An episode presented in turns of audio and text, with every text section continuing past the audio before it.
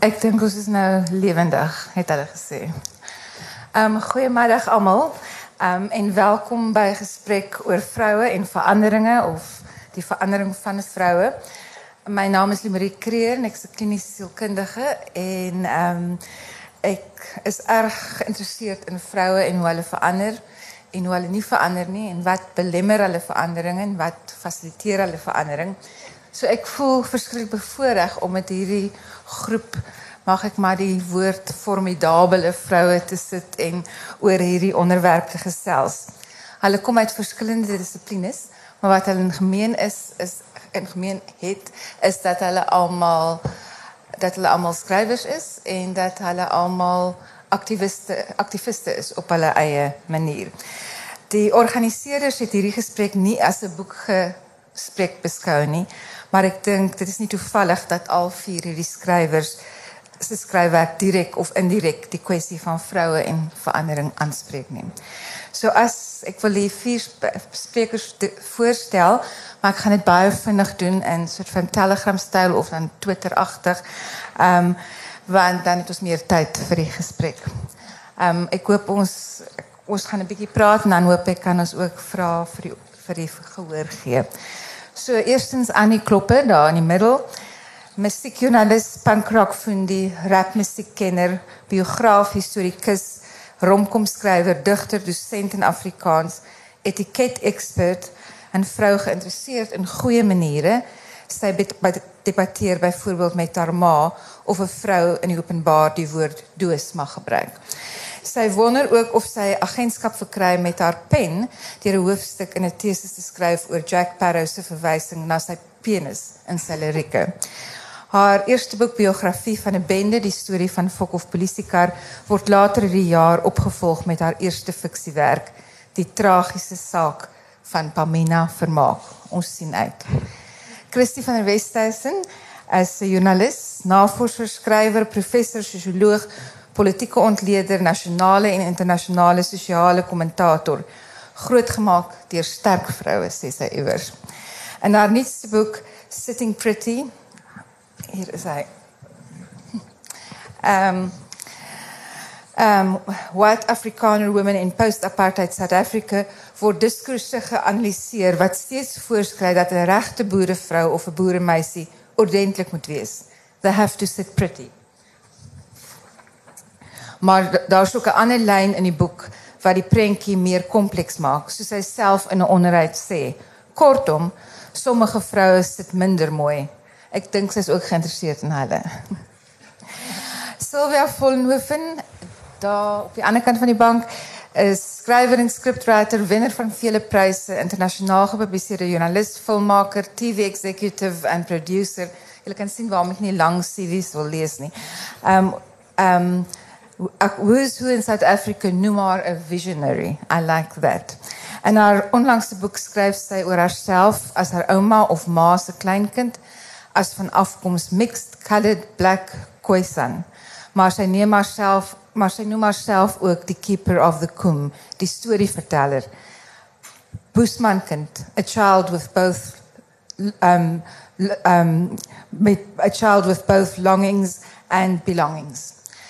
En haar vrye tyd sê sy doen sy yoga en haal baie baie diep asem. Bettina Weingart, Oberberger van afkoms, pryswennende romanskrywer, rubriekskrywer, dramaturg, prokureur en aktivis. Ek is nie 'n wilting wallflower nie wat my wat my mening vir myself hou nie, sê sy in 'n onderhoud. Selfs wanneer ek weet dit gaan negatiewe reaksie uitlok. Haar laaste boek Slaafs, wat 'n wonderlike titel is dit, is aan die een kant lekker speurverhaal, aan die ander kant 'n verhaal wat die weerloosheid en die agentskap, die mag en die magteloosheid van vroue op 'n baie sensitiewe manier uitbeeld. Jy kan sien waarom ek uitsien na die gesprek.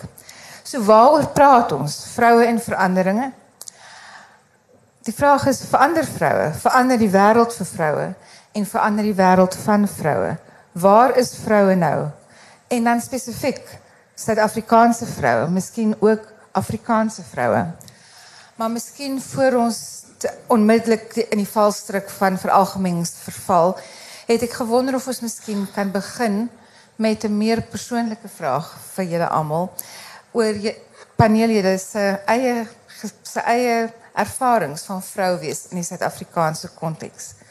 Ons het gesê dat julle wêrelde oorvleuel um, op verschillende maniere, maar julle is verskil ook in terme van afkoms, ras, ouderdom, dissiplines ensovoort. So ek wil vir julle die vraag vra, het die hoe die betekenis van vrou wees vir julle verander het oor tyd? Julle sal vra watter tyd, ek weet nie. Die reëls, die verwagtinge, die vereistes, die voorwaardes, die beperkings. Wat jy vir jouself al daai wat jy vir jouself as vrou stel, maar ook wat die wêreld vir jou stel. Ehm um, so ek wonder Silvia kan ons met jou begin. Wat het ek gemaak? Ehm um, ek ek dink ek gaan begin by die konteks van die gesprek soos hy geskrewe staan in die amptelike program. Ehm um, waar hulle vir Antjie Krog aanhaal, ehm um, waar sy sê dat sy praat oor die die mag van mans en sy sê mans gaan nooit net weg nie. Um hulle vat ook die mag saam met hulle en dan bly daar nou net 'n klomp vrouens oor en skielik daal die statuur van daardie beroep of groep. En ek het 'n vreeslike groot probleem daarmee.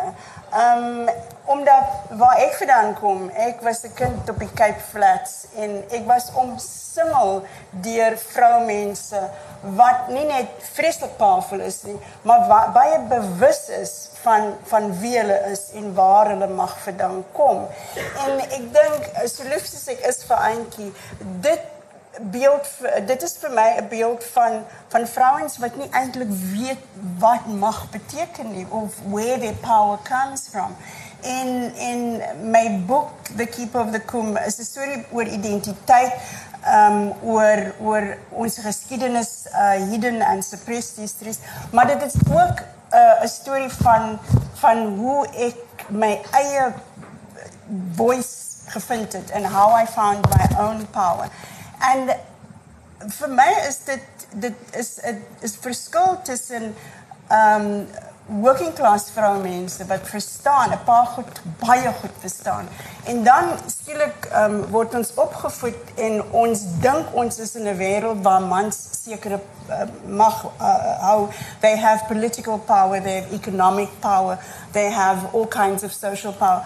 But that is such a, a fallacy because those are things we give them it's not men are not born powerful within their own right and they don't go out in, into the world exercising that power. They derive their power from us as people in society and especially as women. And as long as we believe that the the temperature of a room goes down when when a group of men leaves that is as long as we will struggle to find our, our real power. Um, vir my is is 'n baie goeie uh um a very good example is my experiences in the black consciousness movement.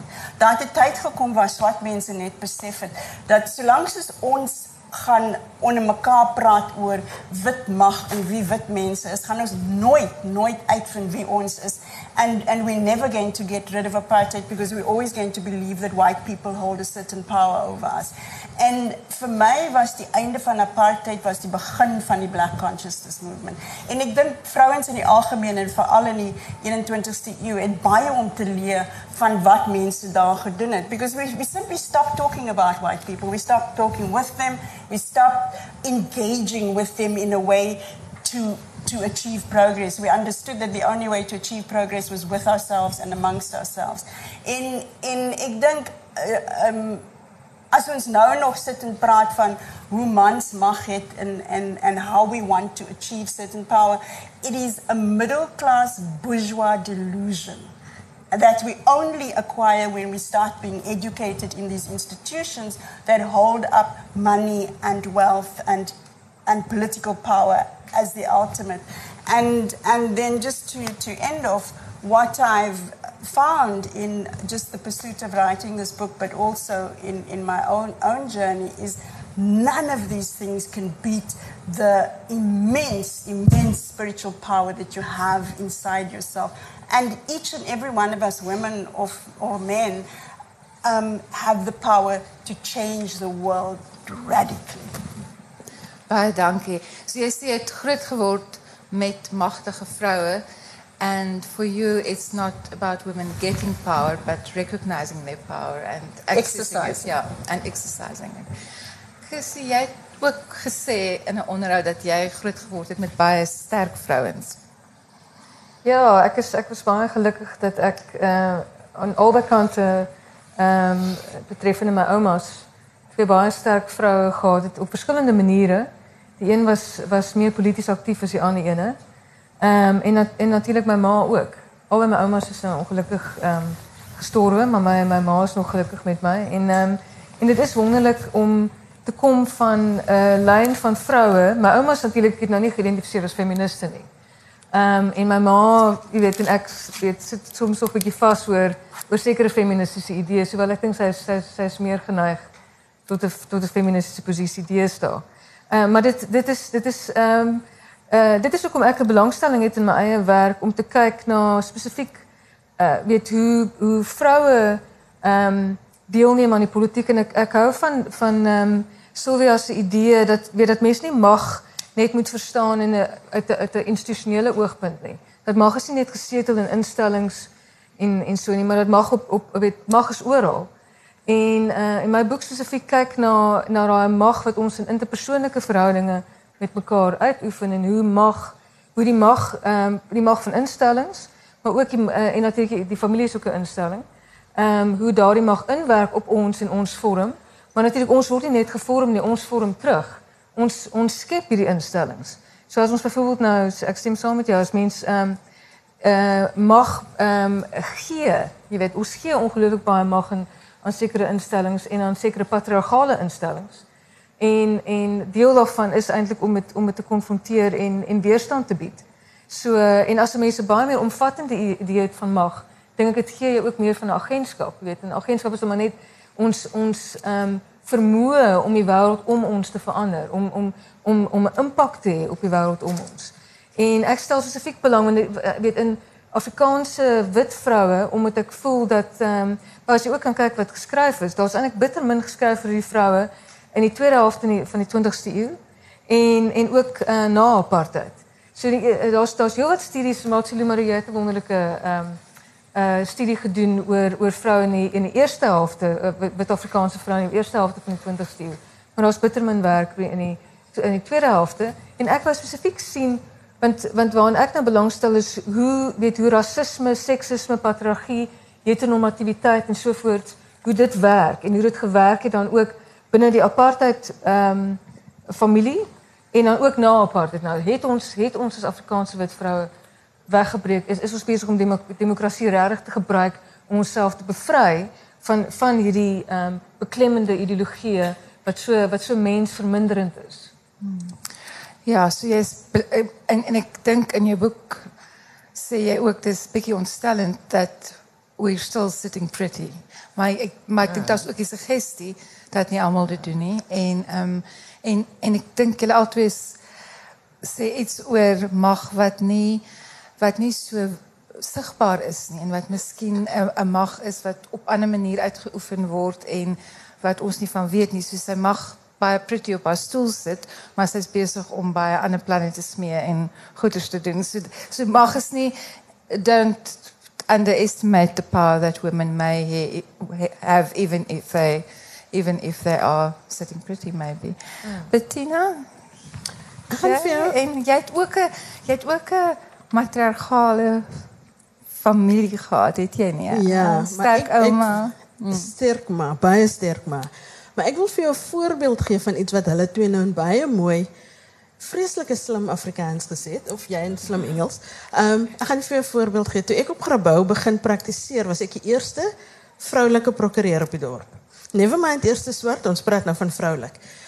En die eerste dag was fijn. Alle mensen bedoel noemen me meneer, want dat is wat de procureur noemen. so, um, ehm, ik was aanvankelijk een beetje taken back, maar ik kan daarmee samenleven. Um, ehm, maar nu kom 11 uur thee, ik is heel ochtend in die hof en ik wil badkamer te gaan. En dat is de badkamer voor procureurs met instellingen en urinals.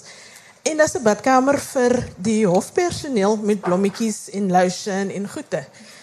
En ik moest kiezen, gaan ik nou die procureurse badkamer gebruiken of gaan ik die hofpersoneelse badkamer gebruiken? Toen loop ik bij de procureurse badkamer in. Terwijl twee van die andere procureurs daar is. So, um, daar was so geskokte stilte en hulle het dood stil gestaan. En daarna toe die um, landros my gesê nee, ek kan nou nie vervolg maar sy badkamer gebruik. So, um, intussen dus nou nee. En Dat lotion. heb ik gezien. Um, en jy weet, so, daai was die, die eerste subtiele manier hoe daar onderscheid getref is. Dis vir mans en dis vir vroue. Um, en dis die jobs wat mans doen en dis die jobs wat vroue doen. Dit was in die vroeë 90s. Nou is daar aparte badkamers vir vroue prokureurs en alles ook dan al wat ek op Grabouw reg gekry het, en ek iets reg gekry op Grabouw. Wel, ek dink nie, dis al wat jy reg gekry het op Grabouw nie wat ek verstaan. Annie, jou, jy's jonger, dis van jou laaste land gegaan. So jy het 'n korter korter history as die res van ons oues. Ehm ja, dit dit wat jy nou sê is my nogals interessant en ek wil daarbey aansluit en dan nou ook by wat jy gepraat het van geïnstitusionaliseerde mag of normatiewe mag dan nou. Ehm ek kom uit 'n dominee se huis, my pa se dominee. Ehm um, NG Kerk groot gemaak groot geword in die pastorie. Ehm uh my ma is julle almal praat nou van sterk ma's of sterk vrouens. Ek sou nou nie sê my ma is nie 'n sterk vrou nie, maar sy is mevrou Dominee. En toe ek nou onlangs Sterk mevrou Dominee. sterk mevrou Dominee. Ehm um, toe ek nou onlangs my my doktorsgraad gekry het, ehm um, ehm um, voordat ek nou ek is nog nie getroud nie. Uh ek ek is verloof en toe sê ek nou nogals vir my vir my verloofde, "Maar gaan jy dan 'n meneer dokter wees?" Want my ouma het haarself altyd voorgestel as mevrou professor Geldnys. Dit was die norm. Ehm um, en uh hoe en jy weet daai hele kwessie van gaan ek nou my van verander want daar's so mooi alliterasie vir of assonansie in 'n geval in 'n rym en dokter klopper. Ek gaan dit nie nou verander nie. I've worked so long to get this. maar ehm um, daai daai ding van as jy nou meneer is jy nou meneer dokter. So ek spot altyd met my studente en sê ehm um, hulle hulle vra hulle praat altyd van meneer dokter. As hulle praat oor my Wag tot hulle jou tannie noem. wel dit het ook al gebeur. Ehm maar ehm wat ek eintlik wou aangesluit het by Bettina en en ek het 'n soortgelyke ehm nie dieselfde nie maar soortgelyke ervaring gehad en ek het dit vir Lumerie ook vertel. So ek het begin werk as 'n musiekjoernalis ehm toe ek 17 jaar oud was. En dit was net my droom om om te skryf vir musiek. Dis al wat ek wou gedoen het. Dit was net vir die musiek. Dit het nie gegaan in daai stadium was ek nie ehm um, het dit nie gegaan vir my oor magsverhoudinge en Jy weet, ek het nie gedink daaroor dat die musiek die meeste musiek waarna ek luister deur mans gemaak word nie. Susie Quatro was natuurlik my grootste heldin en my eerste girl crush. She was amazing. Maar dit ek het nie gedink oor hierdie goed totdat ek myself ek het eintlik so onwetend toe nou 'n baie korf oopgeskop met met wat ek toe begin doen het. Want toe ek begin skryf vir musiek, um ek sal byvoorbeeld toer saam met bands en ek sal backstage wees saam met my chommies en um uh, iemand sal inkom wat 'n handtekening soek of wil gesels met die band en die eerste vraag wat hulle vir my sal vra is wie se meisie is jy? jy weet. En dan sê ek soos nee, uh, ek's maar net hier saam met die band. Ek ek weet ek's joernalis of wat ook al. Ehm um, en dan o, so met wie jy almal geslaap. En ehm um, jy weet daai tipe van houding wat ek baie vinnig al uh, weet uh, dit het baie vinnig vir my duidelik geraak dat um, jy weet uh, ek is die seks. En iemand het dit eendag gesê en ek kan nie onthou wat dit was nie en ek is jammer dat ek nou nie kan onthou wat dit was maar ek het dit gelees iewers toe ek besig was met 'n studie oor punk rock. Uh iemand het gesê in in in sex drugs and rock and roll women are always the sex. En um en ek het net meer en meer bewus begin raak daarvan en toe ek my um boek geskryf het oor Fok of Polisiekar is daar 'n trend omtrent in elke onderhoud vir my gevra of ek 'n groepie is. En ehm um, dit het my so ongelooflik ongelooflik gebelg want dit sou nie vir my gevra geword het as ek 'n man was nie. Ehm um, die blote feit dat ek 'n vagina het mm. het my het my van my mag ontneem in daai situasie. Mm. En en ek moes harder veg om ernstig opgeneem te word. Maar dit was vir my eintlik nogals baie um, dit was deel van my selfverwesenlikingsproses om dan op die ou end as 'n vrou te skryf oor hierdie mans wêreld. Nou kan mense ook sê wel jy het net vir hulle meer mag gegee deur nou hulle te vereer op hierdie manier of wat ook al, maar ek het dit nie so ervaar nie. Ek het nogals gedink dit is nogals pretty cool dat dit nie nog 'n man nog 'n man is wat die storie vertel nie.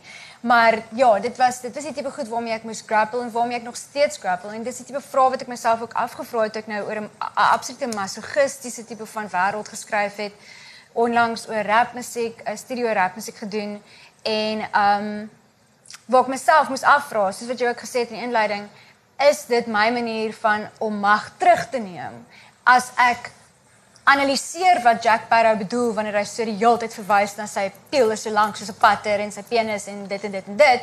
As ek die hele hoofstuk in formele Afrikaans vanuit akademiese oogpunt skryf en dit reduseer tot 'n baie netjiese analise met 'n jy weet uh, met 'n paar puns tussenin, um want die verwysing na sy penis word wyd gesaai deur sy musiek, is wyd gesaai deur sy musiek. Um maar jy weet ek het myself afvra is dit my manier om my agentskap terug te kry um in hierdie wêreld? En ek dink dit is. Ek dink dit is. Want ek gaan nie ek gaan nie op stage gaan en doen wat hulle doen nie maar ek kan daar skryf en die pen in daai manier word dan nou my penis.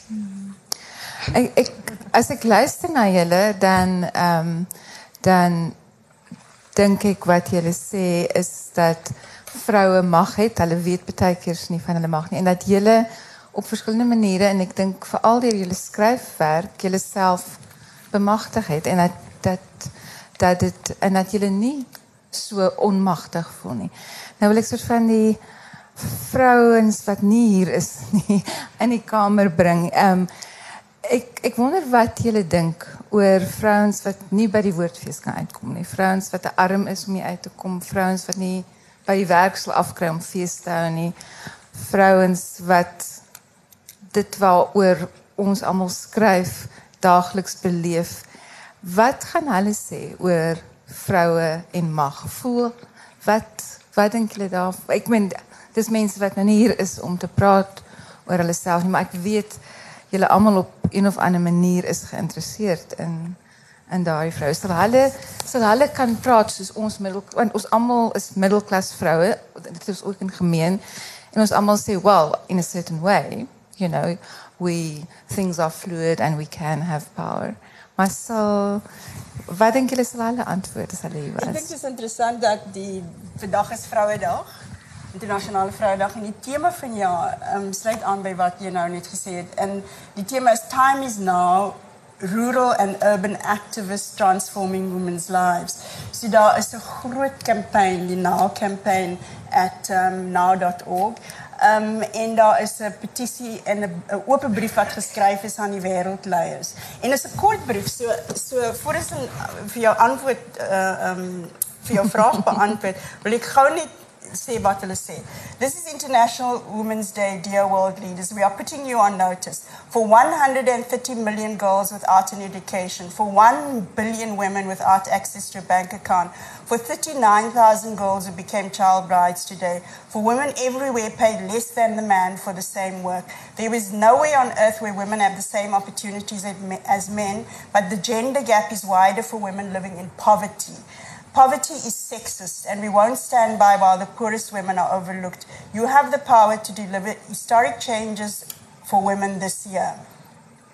Um, and if you deliver, we will be the first to champion your progress. We won't stop until there is justice for women and girls everywhere, everywhere because none of us are equal until all of us are equal. And ek dink dit is baie nice way om te begin hierdie volgende stukkie van ons gesprek. Ja, want Bettina, jy jy het ook al geskryf hieroor en, en jy werk baie met arm vrouens. Ek dink die die die fout wat aktiviste baie keer maak is om te dink dat vroue en arm vroue nie agency het nie. Ehm um, vroue het agency al is dit net ek gaan te veel sout in jou kos gooi so jy gaan nie vanaand die bord kos geniet nie. Maar hulle oefen op verskillende maniere hulle agency uit. Ehm um, so ek is altyd huiwerig om te praat namens ander mense. Ehm um, en nie almal wil noodwendig 'n fees soos woordfees bywoon nie. Dit is die eerste ding natuurlik. Nooit. Met mense reg. Ja, never mind. Ehm um, maar Maar aan die einde van die dag, jou jou vraag op 'n sekere manier voorveronderstel dat vroue arm vrouwen, zekere vrouwen en zekere groepen die agency het. Mm. En, ik wil met jou daar verschil. Mm. Ehm, ja, dit is dus die brief wat Sylvia heeft nou voorgelezen het. Daar is bij um, ehm, uitdagings voor vrouwen. Je, hebt getallen genoemd van vrouwen wat die bankrekening heeft, die uh, eh, kinderbreiden. Um, ehm, je hebt nog niet eerst genoemd of dit, die, die brief noem je en zulke goeders niet.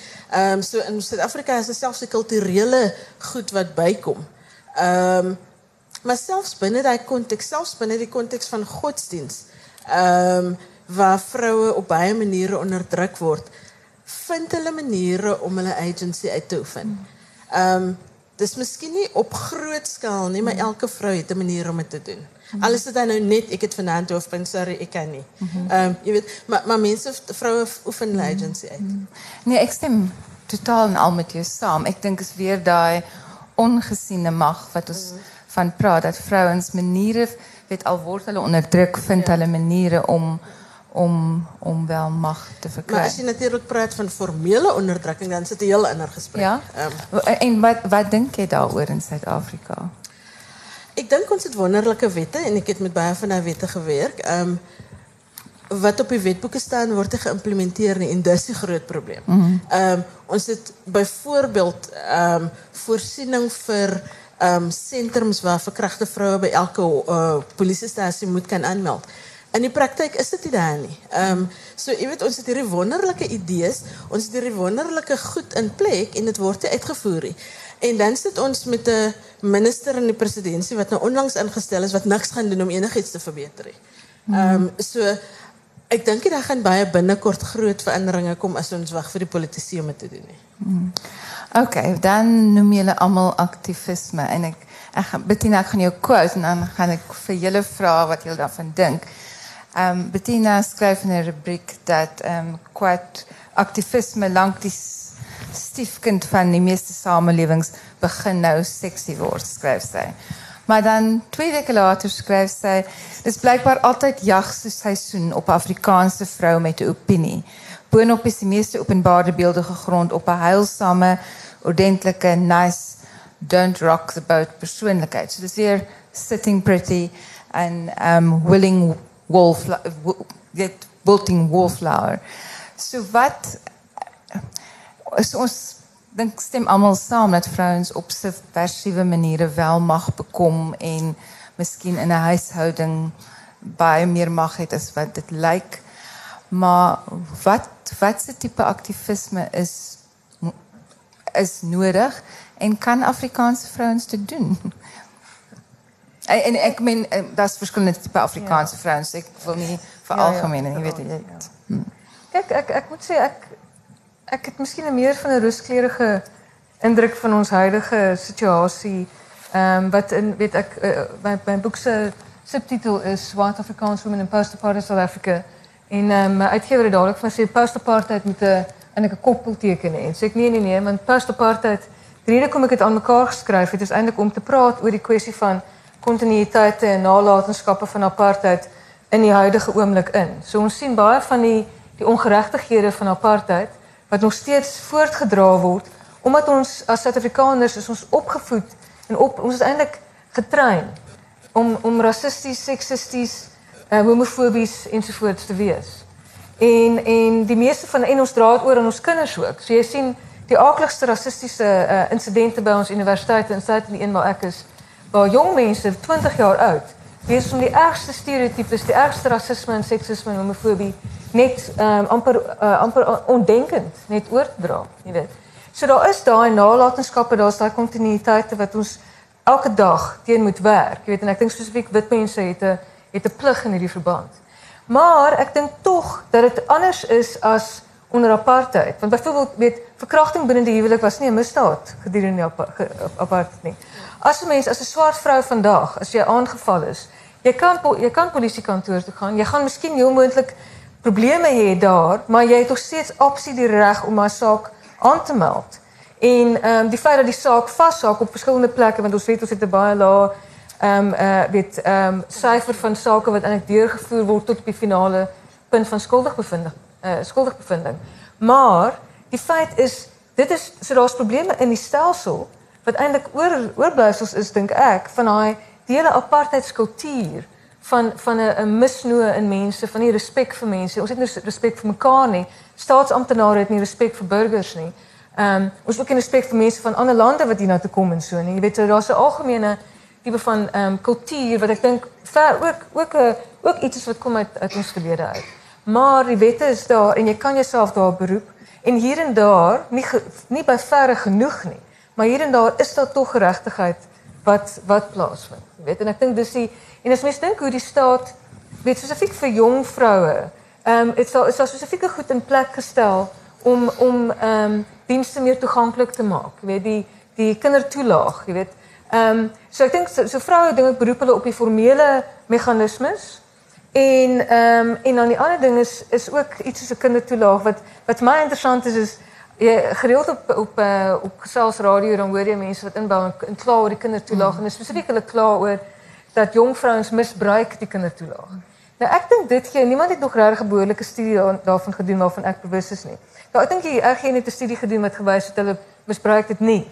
Maar maar wat vir my nou interessant is, ek dink dit dui op allerlei ehm um, wat mense noem gender trouble. Jy weet, daar's hierdie jong vroue is besig om hulle om hulle om meer ruimte op te neem in die huishouding. Hulle is besig om daai gender hiërargie, jy weet, uit te daag en hulle ma's en hulle pa's, want dis die ouer vrouens ook. Die ouer vrouens is nie beïndruk hiermee nie. Die ouer mans is nie beïndruk hiermee nie. Die jonger mans is ook nie beïndruk nie, want hulle wil hierdie vrouens met hulle plek hê. En die jonger vrouens is eintlik besig om byvoorbeeld te hierdie is 'n klein bedrag geld, maar dit gee hulle wel 'n mate van agentskap wat hulle nie van van tevore gehad het nie. En hulle is besig om van hierdie genderverhoudinge binne die familie en buite die familie uit te daag. So dit daar's vir my daai daai tipe van voorbeelde wat vir my wat vir my positief is. Ek sê hoegenaamd nie ons is waar ons moet wees nie, maar ek dink ons is ons is in 'n baie beter posisie om hierdie goed te te verwesenlik. Hierdie hierdie om geregtigheid te verwesenlik vir almal in hierdie land as wat ons was op enige punt onder onder apartheid en natuurlik onder kolonialisme voor dit. Annie, ek wil vir jou vra, ehm ehm voor ek wil hoor of jy gehoor vra. Ja, ek was by 'n uh, seminar of iets waar ek dink ek net elke 'n hoofstuk bygedra tot 'n boek oor oor Afrikaanse herinneringsplekke en het die wonderlike titel uitgeken uitgedink van volks van volksmoeder tot politiekar ek kon ek kan om soort van te sê hoe Afrikaanse mense aanbeweeg het en in jou blyk my in jou doktorsgraad is dit jy spesifiek gewerk oor wat dan van iemand soos Jolande en die antwoord en so aan. Het jy dieselfde positiewe siening wat Christie het oor die vroue met oor wie jy skryf en oor wie jy werk? Dink jy daar's movement? Dink jy hulle het meer mag?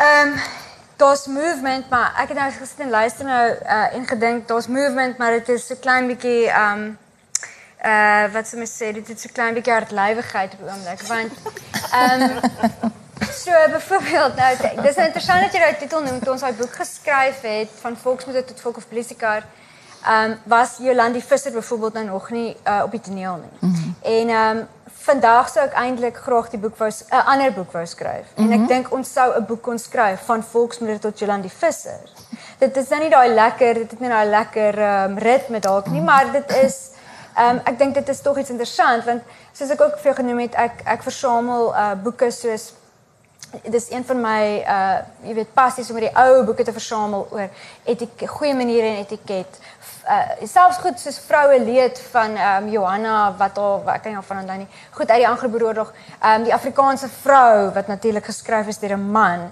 Ehm um, jy weet hierdie hierdie uh boeke vir vroue, daar's allerlei daar was sulke tydskrifte wat in boekvorm uitgekom het in die ou dae.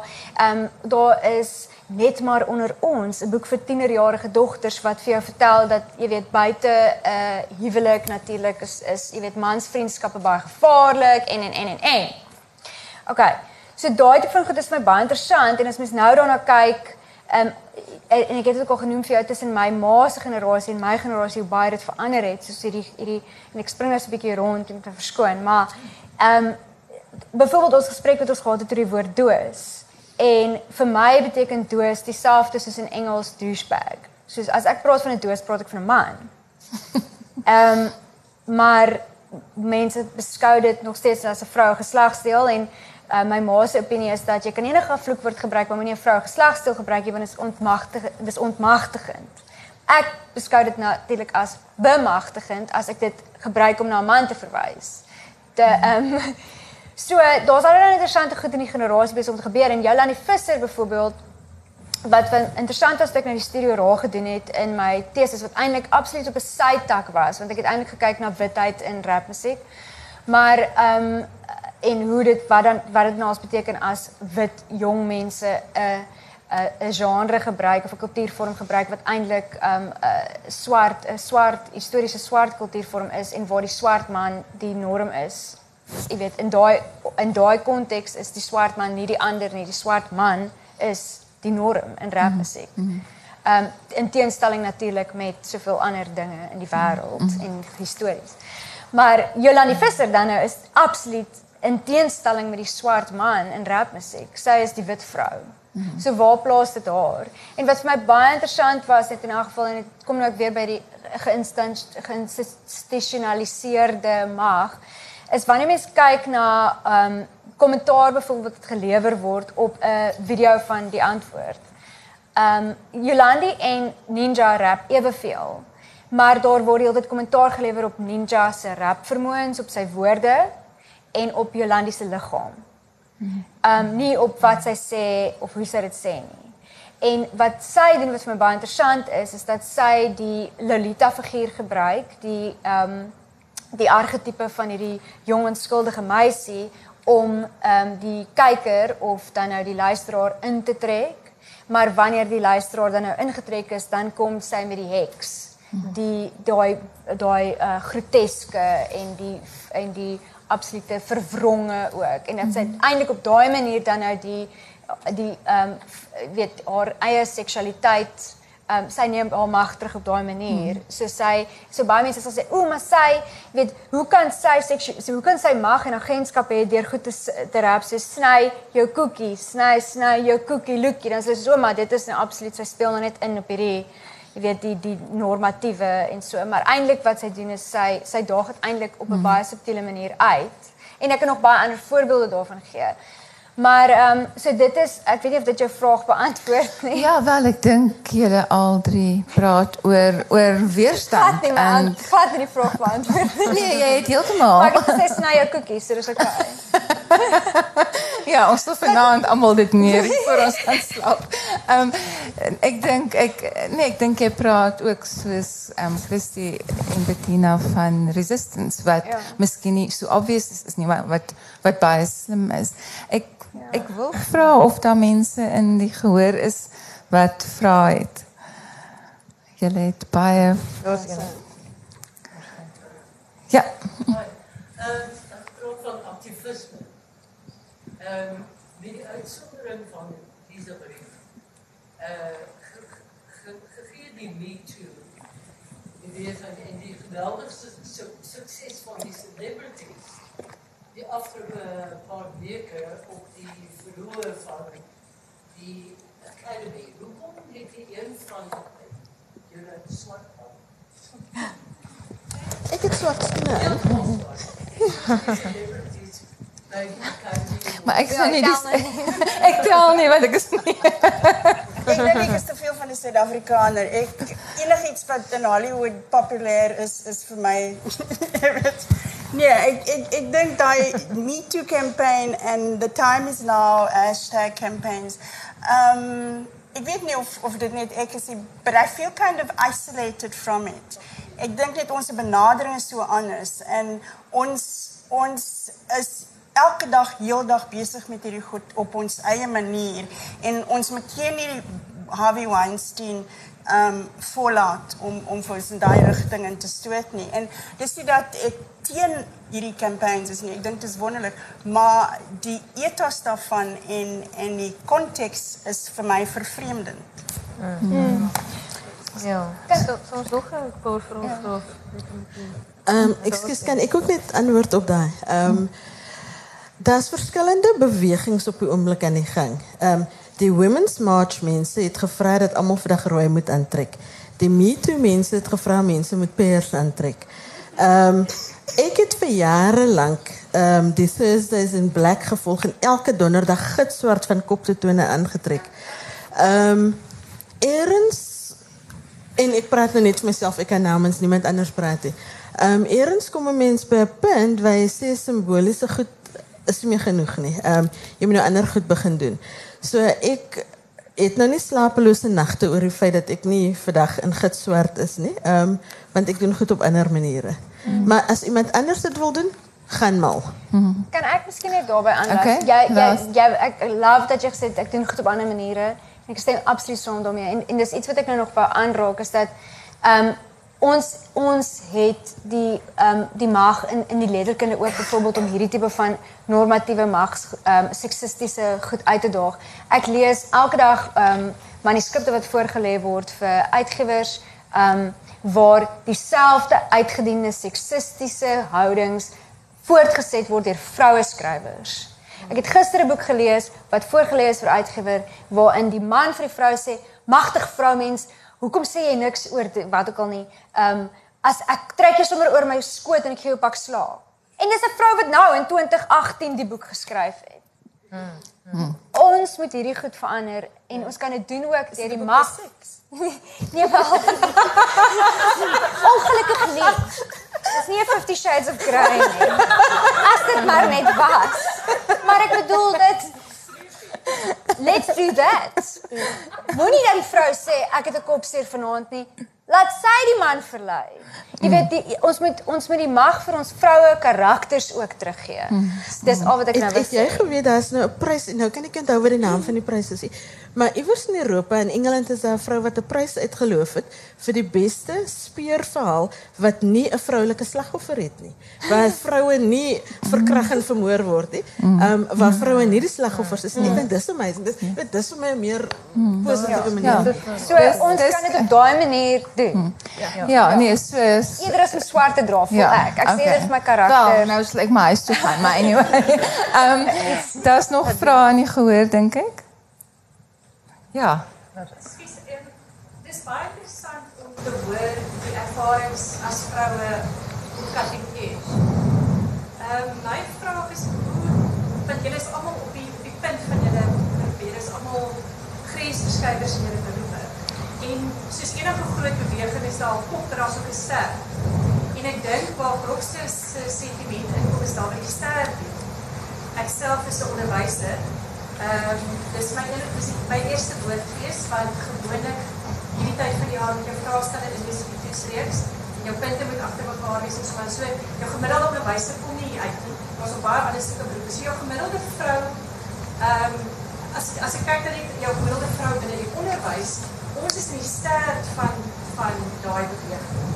Ek ervaar dit ehm um, ek is nie op die voorkant daarvan nie, maar ek is die ster daarvan. Met ander woorde, ek dit vind myself in 'n beroep waar ek baie hard gewerk het om daar uit te kom, maar ek het nie meer, ek het nie die mag van 'n uh, onder, as 'n onderwyser is die mag nog steeds vir die mans die enkele daar is.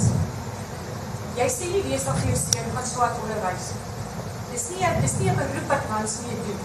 Dis 'n beroep wat reeds sy mag verloor het, vind ek. Ek het dit wonderlik in die die um, personeel is 'n wonderlike groep mense. Die twee laaste mense op daai personeel is die twee mans. Hulle is al twee departementshoofde. Ehm um, hulle het al die power daar. Daar's ek kan nou hoe praat en ek kan aan dring daarop dat die hokkies van eerste moet loop by die by die bietbrei ehm um, en dat die die, die lepels van laaste moet loop. Ek kan al daai goeders doen wat die vrouens in die skool bewus maak daarvan van hulle mag. Maar uiteindelik sal die mans in daai be- beroep al die mag nog steeds behou omdat dit so min is dat dit eintlik raak beroep uh, reeds verlaat. Daar's ander sulke ook, skus ek as ek kyk my broer is 'n argitek. Hy het ook of my gesê hy ervaar dit ook daar's deesdae so baie vroulike argitekte dat hulle begin jy weet dit dit, dit raak dit raak 'n beroep wat nie meer dieselfde prestige het nie. Ehm um, ek dink die letterkunde is dalk een wat daar is so min mans wat nou as groot geeste deesdae skryf. Uh, almal is net so bly as 'n man 'n boek publiseer want die, die res van die tyd is dit net vrouens wat publiseer. So dit daar is 'n element daarvan en ek ek vermoed nie ek ek dink dit is nog steeds besig met 'n belangrike gesprek. Ons is besig met die kop, maar ek dink ook mense moet dalk kyk na die ster. Wat van die insti- eh, geïnstitusionaliseerde plekke waar die mag reeds verdwyn het en die res jy weet ek ek beskou myself mm. nie as 'n stompot nie, maar as stomperpottore mm. wat Jou skerppottore, die mans deesdae het het 'n ander plek waar hulle mag. Die deesdae is dit bankfeesel, dis geld, dis entrepreneurswese. Die mans het vir 'n ander plek gaan kry. Ek dink journalistiek is ook besig met daai verskuif. Jou manlike journaliste is verskuif. Ek dink is 'n baie belangrike vraag want ek dink ek dink ons praat baie oor die tipe mag wat vrouens wel het en hoe hulle bemagtig is op sekere maniere deur te skryf en deur te protesteer en aktivis te wees. Maar ek dink die frustrasie en dis dit kan ek sê wat ek daagliks mee werk met vrouens wat weet ons kan sê maar jy het mag om sout in die kos te gooi. Te veel sout in die kos te gooi. But she's still being kept down by her male boss and she still has to ask her husband for money. Jy weet so Eh, misschien als jullie, en ik denk ons, is, ehm, um, het gaan misschien die laatste paar vragen wees. Als jullie kan praten over where your frustrations lie. Want, want ik denk, dit is een baie positieve boodschap wat ons al vier formuleer. En ik denk, dit laat mensen misschien voelen, ja, maar jullie kan makkelijk praten. Want jullie, wat is moeilijk voor jullie op je ogenblik als vrouwen? Christine? Um. Ehm, Kijk, ik ga nog steeds omkarren met mijn positieve boodschap. Eh. oh, dat is geen zal van jou te smeren. ja, maar die, eenvoudige dingen, zodat, um, ehm, zoals ik zei, uh, uh, het eh, eh, is mij belangrijk dat mag verstaan worden als iets wat, wat, wat dispersed is, zoals we zeggen in Engels. Je weet. So, mhm. mag is, is vers, uitverspreid. Het is niet op specifieke plekken geconcentreerd. En vrouwen kan, kan daar... Ehm, you can take the fight to, to you know, to to that uh, source of power. Waar ook al jy is, jy weet. En jy, en jy het spesifieke ehm um, uh, uh, dit, en dit is dit is waar dit mans ek dink in 'n groot mate oorbeweeg nou na die ekonomiese kant van die maar dit is baie interessant om te hoor hoeveel vroue is deesdae ekonome. Ja, daar's deesdae baie kommentaar wat gereel ge, weet gelewer word deur vroulike ekonome. Hmm. En so ek dink vroue begin ook te verstaan dat in 'n neoliberale kapitalistiese stelsel is die mag weet in die ekonomie dit is waar alles alles te doen met geld is waar die meeste van jou geïnstitusionaliseerde mag gaan wees. Hmm. Maar ehm um, omdat mag soos ek sê wyd versprei is en oral werk in hmm. alle menseverhoudinge hmm. beteken daar's verskillende maniere waarop jy kan mean die hele simboliese ding byvoorbeeld om seker te maak dat jou hokkie, jou vroulike hokkiespan prominent um, weet uh, deel is van die skool se lewe. Jy weet dat hulle dat hulle 'n leidende rol speel en so aan. Daai tipe van simboliek is ongelooflik kragtig en dit lyk miskien vir mense wel uh, jou jou voorbeeld van vroeër van die van die toilet gebruik en so aan. Dit is nie 'n klein dingetjie daai nie. Dit beteken jy het basies 'n 'n manlike ruimte. Het jy basies gaan oopbeur en jy dit gaan veilig maak uh vir vroue. Jy weet. So jy dit eintlik gaan gaan klein vir vrouens. Ek dink dit is fantasties. En dit is al daai dag tot dag striwelinge. Weet waarmee ons ook genderverhoudinge verander. Mhm. Genderverhoudinge moet verander op die nasionale vlak, op die internasionale vlak, daar's verskillende vlakke, maar dis veral in die dag tot dag skakeling met mekaar.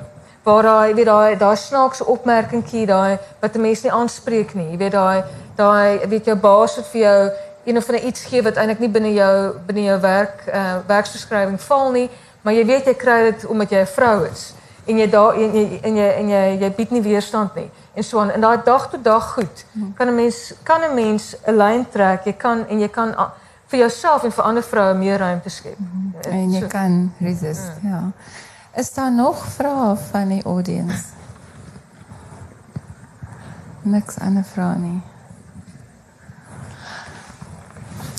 Enige iets wat julle vir mekaar wil vra groep formidabele vrouens op die Ek wil meer hoor van Keeper of the Kum want ek het die boek ehm um, verskriklik geniet en ehm um, en ek dink dit is 'n baie dapper boek. Praat nou jy's vroeër oor die verskillende genres wat jy dan gekombineer het so so weer. So dis my regtig 'n 'n boek wat wat dis 'n baanbrekerswerk, jy weet. Um, die dapperheid om dit te skryf, dink ek is is nogal amazing.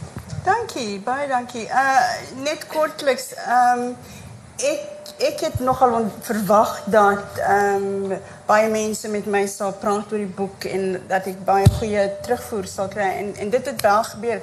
Maar wat ek nie verwag het nie, was die so terugvoer van mans nommer 1 en van ouerige wit mans nommer 2. Ehm um, ek was een aand op rond uit en ehm um, net na die program het ek 'n heel paar Facebook boodskappe gekry.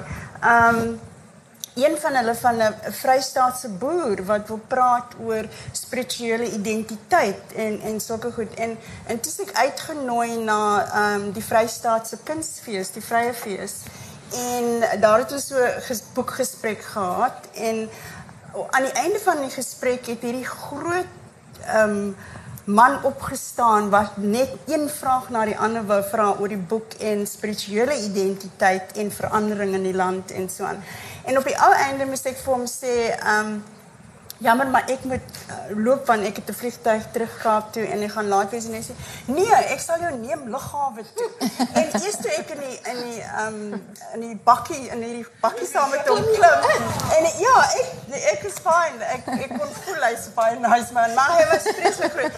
Toe ehm um, vind ek uit hy's 'n ou Springbok ehm um, prop forward met die naam van ehm um, Ollie van der Westhuizen. Ollie Leroux, dankie. Ollie Leroux. Dis ek my my seun is 'n groot rugby fan. Dis sê toe ons uitklim by die lughawe, dis ek nee, nou moet ek 'n selfie vat saam met jou. groot ou en hier staan ek en hy wou nie ophou praat nie. En wat dit by my laat besef het is jy jy het vroeg gevra van goed wat 'n mens irriteer en en en so aan. En dit kan ek baie noem, maar dis die dis die goed wat 'n mens inspireer wat ek mee wil, eindig. En wat ek toe uitgevind het, dis daar in in sekere hoekies van ons land is daar die mense wat jou so kan verras en jou hart so kan oopmaak en warm laat voel. Ehm um, en ons het almal dieselfde vrae. Who am I and and how am I making this world a better place? En waartoe is ons op pad? En as ons net begin praat saam met mekaar, besef ons that we all want the same thing. Ehm um, so ek dink wat vir my inspireer is is is daai soort goed, maar ook die jong vrouens wat ek in in my beroep ontmoet. Ek doen baie opleiding vir vroue joernaliste en vroue in die media, media. En hierdie jong fees must fall generation. Hulle is net amazing. Elke keer as ek in 'n vergadering is saam met hulle of in 'n klaskamer is saam met hulle, dan dink ek the future is in good hands. Jy weet, maar wat vir my irriteer en en en depressed laat voel is my ouderdom vrouens en miskien die volgende generation 'n bietjie jonger as ek. Ehm um, wat soort van moet opgee and they can't envision a different world.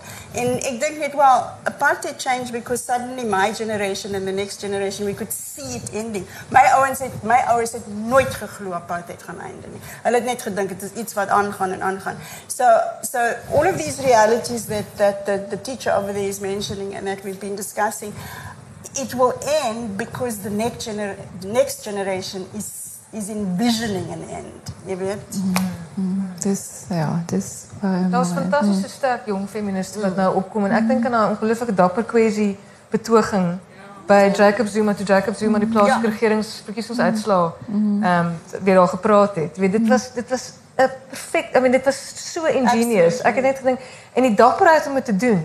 En die mense daai daai een jong meisie was een van die studente wat ek nou van praat. Sima mm. was een van daai studente. Mm, mm, mm. Mm. Ja. Maar het is een moeilijke pad. Een dat is een hand. Hm.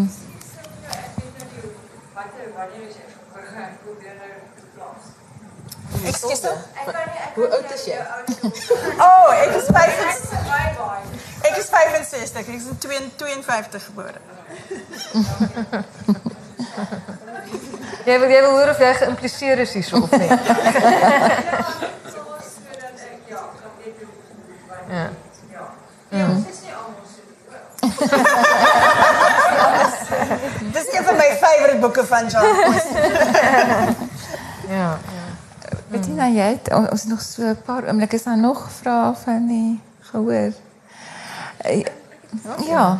Ek is skielik met die paneelse gevoel oor daar's byvoorbeeld vir albei hoods en H&M en oral vir jong dames klere koop.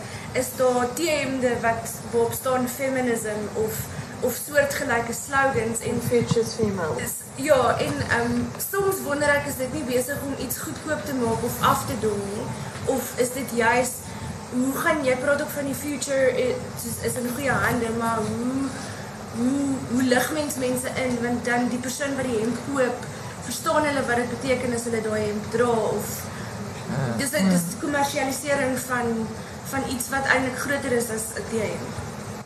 Dis dieselfde soos die Che Guevara team. Ja. Ja. Iemand maak geld en dit lyk nice. Maar die, ek dink daar maar daar's 'n verskil met die Che Guevara want ek dink die meeste mense wat Che Guevara teen bedra weet nie weet eintlik niks. Hulle weet nie is die persoon se naam is Che Guevara nie. Hulle dink hy's so seksie ou. So ehm terwyl feminis is duidelik feminis. So en weet jy ek ek dink jou jou ou skool se van feministiese purist sal sê, "Eh, dit is verskriklik die kommodifisering." en so aan. Maar dit vir my is ek weet ons ons ons moet nou maar bietjie staan met ons nog nie aan 'n aan 'n 'n alternatiewe ding vir kapitalisme nie. Dis hoe kapitalisme werk. Uh ja, weet nou is sosialisme, maar ons het nog nie in praktyk sien behoorlik werk nie. Uh kommunisme was 'n was 'n was basis. So ehm dit is die, dit is stelsel waarin ons is, jy weet. En die, feit van die saak is is dat mense die die idees word ook gesirkuleer deur die kapitalistiese prosesse. En dit vorm ook ons as mense. So die hele weet jou ou links is ehm um, sal verskillik uh, klem plaas op produksie, produksie oor alles in die ekonomie. Terwyl konsumpsie is eintlik nou wat ons deesdae vorm as mense. Weet dit is hoe ons eintlik onsself ons identiteit ook uitdruk op ons liggame. So dis eintlik verskriklik ehm um, ek ek het so ek het nie ek self dink is eintlik great. Jy weet hoewel ek ek seker klomp mense gaan my onmiddellik klomp feministe gaan kruisig. So uh, ek weet nie wat ander mense, maar dit is dit vir my is dit daar's daai idee word nou so gesirkuleer dat dit eintlik weet uh, sommige vroue kon nie eens 'n E-woord gebruik 10 jaar gelede nie. Ik denk dat het deel van een brede bewustwording. En dat is niet die beste vorm niet, maar dit is één vorm. Ja, dus -hmm. ja. Um, is een goede. Excuse me, om, om terug te komen. Die, um, en ik denk, jij die even woord nou gezien. Voor baie mensen tot bitter onlangs, voor baie vrouwen tot bitter onlangs, was feminist een F-woord. En ehm, um, mensen van mijn maasse generatie bijvoorbeeld, al doen hulle feministische goed, zal nooit die label voor zichzelf hebben.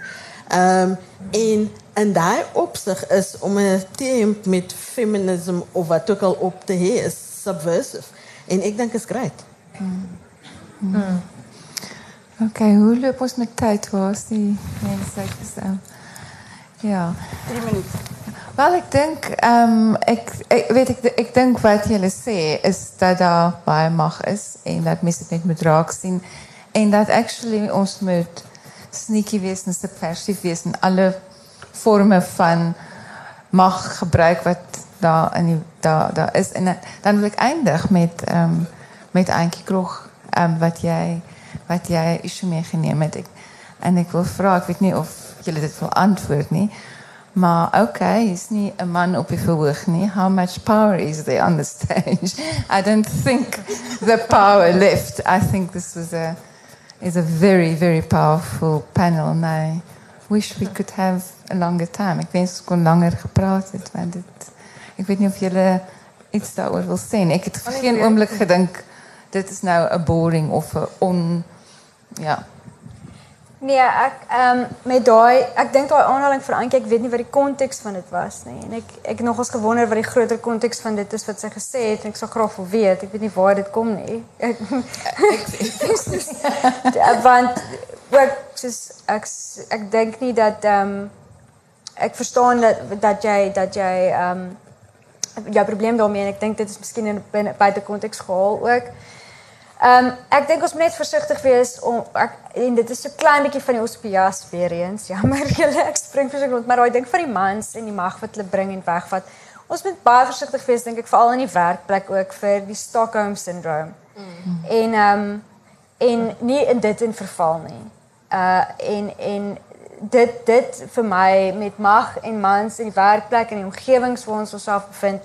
Ehm um, ek ek waarsku my of ek met myself gedurig waarsku teen Stockholm syndroom en ek was skuldig daaraan tot in 'n mate in my in my vroeë 20's toe ek nog nie my agentskap geken het nie en nog nie my mag geken het nie. Um, en eienaarskap geneem het van my mag nie. Mm -hmm. En um, dan die ander ding is wat jy nou gepraat het van subversief. It doesn't have to be subversive. Mm -hmm. It can be in your fucking face. Mm. So, dat dis miskien my laaste woorde, jammer julle. Ek dink dis Bro, ek praat vreeslik. en ons ma sê hier nie, dis hoekom. Ehm ek dink dat die mag weggevat word wanneer die mans verlaat is 'n persepsie. Ehm daar's powerful vroue oral oor. Ek dink net dat die ehm vroue word nie geleer om hulself te verkoop nie en dis hoekom mans miskien vinniger net om u vraag te antwoord. ook. Ehm en dis miskien hoekom mans vinniger vorentoe gaan want hulle promote hulle self alles aan niks agter die promotion nie. Ehm en dis die enigste verskil. Vroue het die mag. Hulle they just don't own it en soos wat Annie nou gesê het, mense moet dit own. Ja. Ja. So ja, dan dink ek moet ons eindig en ek sê there was power on this stage if I've ever seen it. So baie dankie en baie dankie vir julle deelname. O, en en al die boeke, die die drie boeke is te koop en dan kom wat se name Ja, weer? die tragiese saak van Pamina Vermaak. Pamina Vermaak kom. Augustus by Kwela. baie dankie.